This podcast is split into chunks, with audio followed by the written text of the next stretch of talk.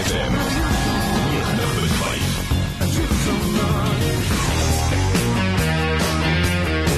Groot FM in Pretoria. En dan alhoewel ook dat uh, al die funksies op ys is wat 'n uh, teersaakie is, verhoed dit jou nie om 'n draai by jou naaste diereskuiling te maak en 'n troeteldier aan te neem nie, om uh, die kinders nie net besig te hou vir nou nie, maar eerder vir jare se liefde en speel te sorg.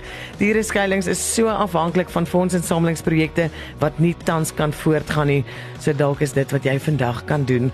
Daar was die afgelope week groot onsekerheid oor die koronavirus wat in honde voorkom dat dit dan nou ook uh, aansteeklik is is en 'n berig oor mense wat hulle diere gaan aflaai by skuilings as gevolg van vrees hieroor.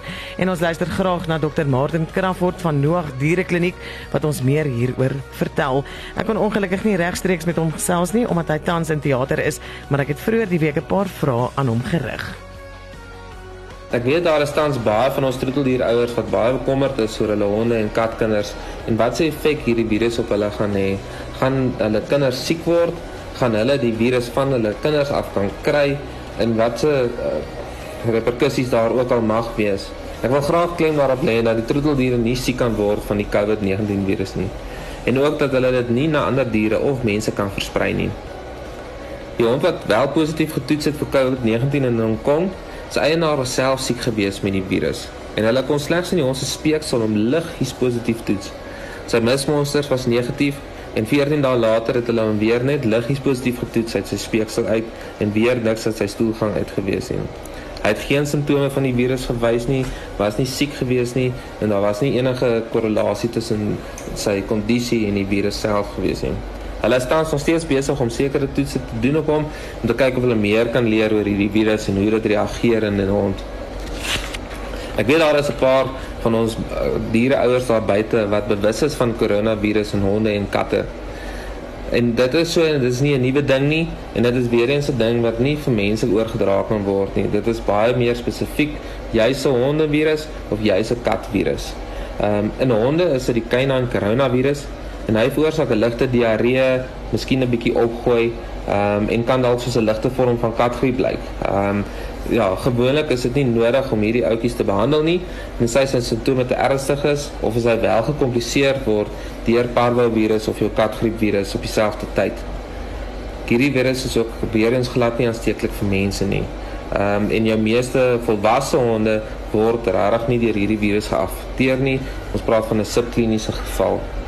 In katte is dit die feline enteric coronavirus Dit veroorsaak ook diarree, partykeer bietjie erger as in honde, maar weer eens net in jou jong katjies. Jou volwasse katte word nie klinies daardeur geaffekteer nie. Ongelukkig kan hierdie virus muteer in jou feline infectious peritonitis virus in. Hierdie siekte is ongelukkig wel 'n noodlottige siekte. Ehm um, en en dit is ongelukkig wel 'n ding wat katjies se lewens kan eis, maar dan moes hierdie koronavirus wel muteer dit in dit in. Meeste katte word blootgestel aan koronavirus en hierdie koronavirus, die feline enteric koronavirus, is regtig oral in die omgewing ehm um, en dit affekteer weer ons net ons katpopulasies hierdie virus affekteer nie ons hondepopulasies nie. Dit affekteer nie ons menspopulasies nie. Dit is net spesifiek op katte gerig. So weer om af te sluit, beide van hierdie koronavirusse, die COVID-19 of SARS-CoV-2 virus affekteer mense en word van mens na mens oorgedra. Diere tree nie op as tussengasheer nie. Hy word nie self siek as gevolg van die virus nie. Uh, hy gaan nie simptome wys nie en hy gaan dit nie vir jou gee nie. Hy gaan dit nie vir jou gee nie. Die ander twee koronavirusse, die feline enteric coronavirus en die canine coronavirus is nog altyd daar. Is gewoonlik 'n ligte vorm en 'n gewoonlik is hulle fyn daarna. Ehm um, die probleem is net met jou katjies wat wel haar FIP kan ontwikkel maar dit is nie 'n siekte wat mense kan affekteer en mense kan siek maak nie. Baie dankie.